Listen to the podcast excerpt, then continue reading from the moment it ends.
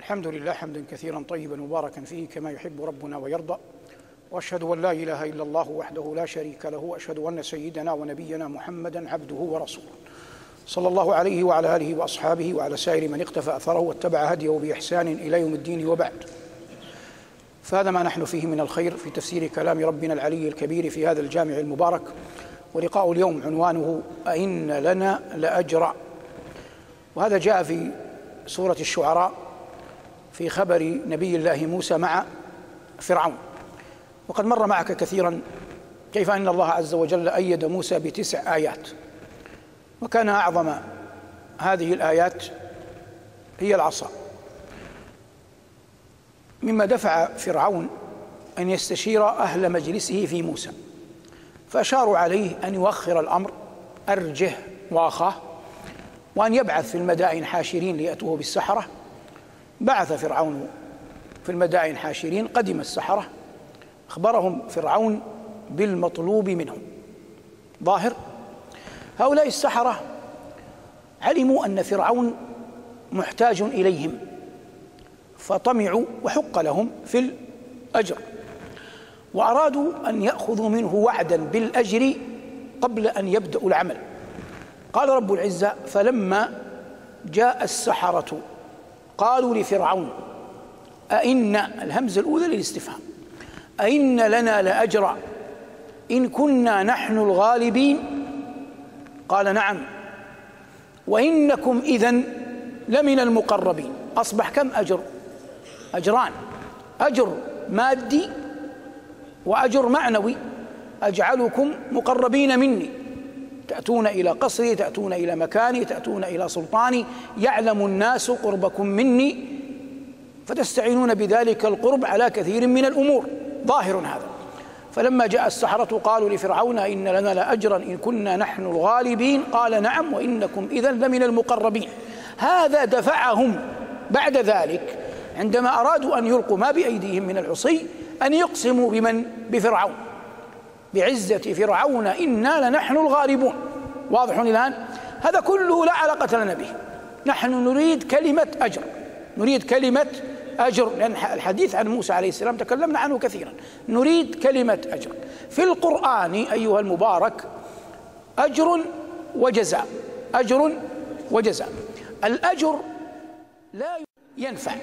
والجزاء يقال فيما ينفع وفيما يضر. فيما ينفع وفيما يضر.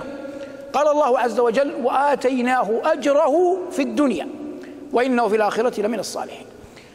وقال جل وعلا وجزاء سيئة سيئة مثلها. وقال فيما ينفع إن الأبرار يشربون من كأس كان مزاجه كافورا عينا يشرب بها عباد الله يفجرون تفجيرا يوفون بالنذر ويخافون يوما كان شره مستطيرا. ويطعمون الطعام على حبه مسكينا ويتيما واسيرا. إنما يطعمكم وجه الله لا نريد منكم جزاء ولا شكورا. اننا نخاف من ربنا يوما عبوسا قمطريرا قمطريرا. فوقاهم الله شر ذلك اليوم. ولقاهم نظرة وسرورا. ثم قال وجزاهم بما صبروا جنة وحريرا. فجنة وحريرا مما ينفع. واضح؟ وقال جل وعلا ومن يقتل مؤمنا متعمدا فجزاؤه جهنم. وجهنم لا تنفع.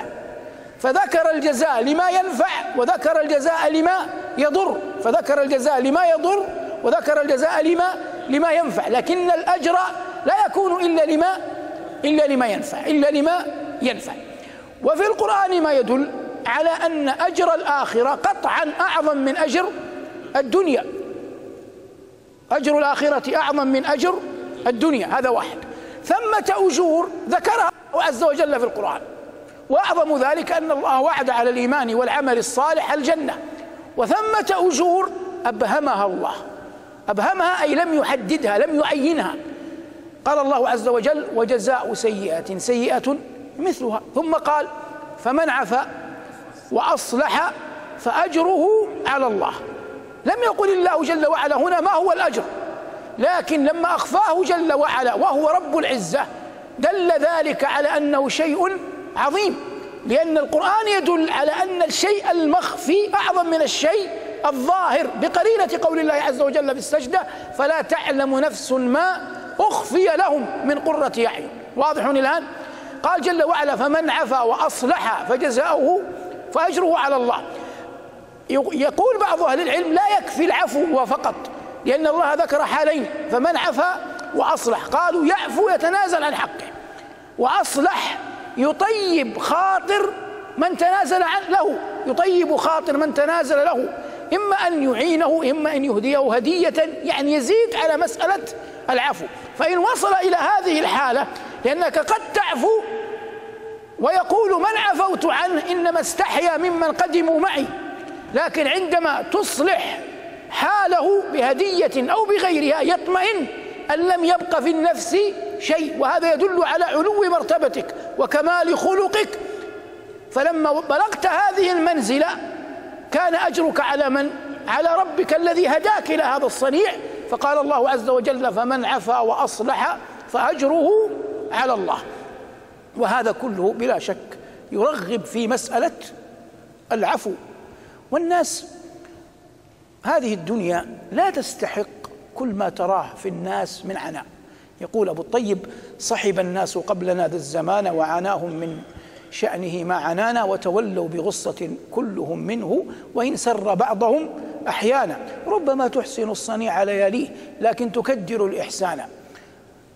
وذكر أبياتا إن الناس يؤتون من قبل أنفسهم. كلما أنبت الزمان قناة ركب المرء في القناة سنانا.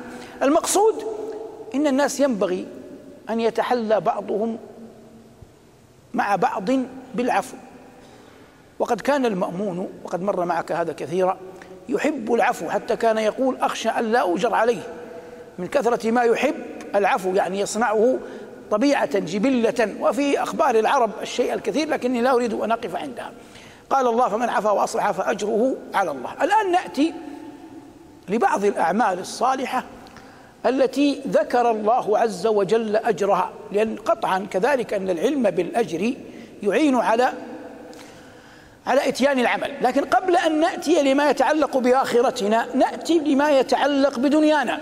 هناك أجر بين العبد والعبد وهو أن يصنع أحدنا لأخيه عملا مقابل أجر بعقد بينهما. هذا غلظه الدين. قال عليه الصلاة والسلام يقول الله عز وجل ثلاثة أنا خصمهم يوم القيامة. رجل أعطى بي ثم غدر ورجل باع حرا فأكل ثمنه. قال في الثالثة ورجل استأجر أجيرا فوفاه عمله فلم يعطه أجره. وهذا يقع كثيرا في زماننا. يقع من أصحاب المؤسسات يقع من أصحاب الشركات يقع من الأفراد في أن الإنسان يطالب بالذي له ولا يعطي الذي عليه. وفي الحديث أعطوا الأجير أجره قبل أن يجف عرقه. أعطوا الأجير أجره قبل أن يجف عرقه. هذا ما يتعلق في خطاب الشرع لمن يعطي لمن عليه الأجر. كذلك الشرع لا يغفل من طلب منه العمل. جاء في حديث كليب الجرمي الجرمي رضي الله عنه كان وقتها شابا يافعا سبع ثمان سنين يعقل قال شهدت مع النبي صلى الله عليه وسلم جنازة. هو مع أبيه ذهب إلى جنازة. لما جاءوا للجنازة القبر لم يكن قد أصلح بعد يعني ما انتهى. فالذين يحفرون القبر ما زالوا يحفرون والنبي عليه الصلاة والسلام ينظر. فقال صلى الله عليه وسلم سووا كذا ضعوا كذا. فظن الناس أنها سنة يعني هذا الإصلاح. فقال عليه الصلاة والسلام أما وإن هذا لا ينفع ميت ولا يضره لأن الميت جسد. أما وإن هذا لا ينفع الميت ولا ولا يضره يعني هذا الإصلاح لأن عما قليل ستحثون عليه التراب. أما وإن هذا لا ينفع الميت ولا ولا يضره ولكن الله يحب من أحدكم إذا عمل عملا أن يحسنه. ولكن الله يحب من أحدكم إذا عمل عملا أن يحسنه. فإذا كان هذا العمل وهم يسوون اللحد بعد قليل سيوضع عليه اللبن ثم يحثى عليه التراب ولا يراه أحد. ومع ذلك أمر من كان يحفر اللحد أن يصلحه ويحسنه على أكمل وجه. فكيف بمن ائتمنك على عمل أن تؤديه إليه وأنت ستأخذ على ذلك أجرا؟ لكن ما الذي يحصل؟ يحصل أن صاحب العمل يظهر منه أنه لن يوفي الأجر والعامل يعلم أن صاحبه لن يعطيه حقه فهذا يبخس من وجه وهذا يبخس من من وجه وعلى الجميع على الكل أن يراقب الله جل وعلا. ومن غلبك في أمر فإن أهل الخير قبلنا يقول إنك لن تغلب. من عصى الله فيك من أن تطيع الله فيه. إنك لن تغلب. من عصى الله فيك بأعظم من أن تطيع الله فيه. تغلبه بحق إذا كنت تطيع الله عز وجل فيه. أدوا ما لكم واسأل أدوا ما عليكم واسألوا الله الذي لكم. في كل أحد في كل أحد تتعامل معه أد الذي عليك واسأل الله الذي واسأل الله الذي لك. هذا فيما يتعلق في العباد بعضهم بين بعض. نأتي الآن كما قلنا في الأجور. جاء في شعب الإيمان حديث صحيح عن ابن عمر رضي الله تعالى عنهما. أن رسول الله صلى الله عليه وسلم قال أفضل الصلوات عند الله صلاة الفجر يوم الجمعة. أفضل الصلوات عند الله صلاة الصبح يوم الجمعة في جماعة. أعيد للمرة الثالثة. أفضل الصلوات عند الله صلاة الصبح يوم الجمعة في جماعة. ورددتها ثلاثا حتى أوصي نفسي قبل أن أوصي غيري بالمحافظة على صلاة الصبح جماعة في كل يوم لكنها تتأكد في يوم الجمعة لقوله عليه الصلاة والسلام أفضل الصلوات عند الله صلاة الصبح في جماعة يوم يوم الجمعة. غيرها من الأعمال كثير لكن علمك بالثواب يجعل منك في, في يجعل فيك باعثا إلى الإتيان بذلك العمل. قال عليه الصلاة والسلام من حج البيت فلم يرفث ولم يفسق رجع كيوم ولدته أمه. وهذه والله من أعظم وأجل المنح والعطايا. فإن كل أحد إذا ولدته أمه لم يكن قلم التكليف قد جرى عليه. وحتى لو قدر أن مولودا ولد بعد ولادته فلا يشرع أن يقال في الدعاء له اللهم اغفر له. لا توجد ذنوب. لكن يقال اللهم اجعله سلفا وذخرا وفرطا لوالديه والحقه بكفالة أبيه إبراهيم في الصالحين. فمن يعود من الحج وقد كتب الله عز وجل له حجا مبرورا فإنه يخرج من ذنوبه. كيوم ولدته أمه وهذا عطاء جليل وترغيب عظيم من الشرع في الحج إلى بيت الله الحرام. ثم غير ذلك ينظر الإنسان إلى فضائل الأعمال إلى ما دل الشرع عليه من كتاب الله وسنة نبيه صلى الله عليه وسلم ونقول على وجه الإجمال صلاة أربع قبل الظهر وصلاة أربع بعدها كفالة اليتيم العمرة إلى العمرة صلاة العصر صلاة العشاء والفجر في جماعة بر الوالدين الإحسان إلى البنات إكرام الجار إكرام الضيف عدم أذى الناس الذب عن عرض أخيك. هذه كلها أعمال صالحة دل كتاب الله وسنة نبيه صلى الله عليه وسلم على عظيم أجرها عند الله. والأجر لا يحبطه شيء يعني يبقى إلا عياذا بالله أن يرتد العبد. عافانا الله وإياكم من ذلك. لكن الله عز وجل يحفظ لعباده.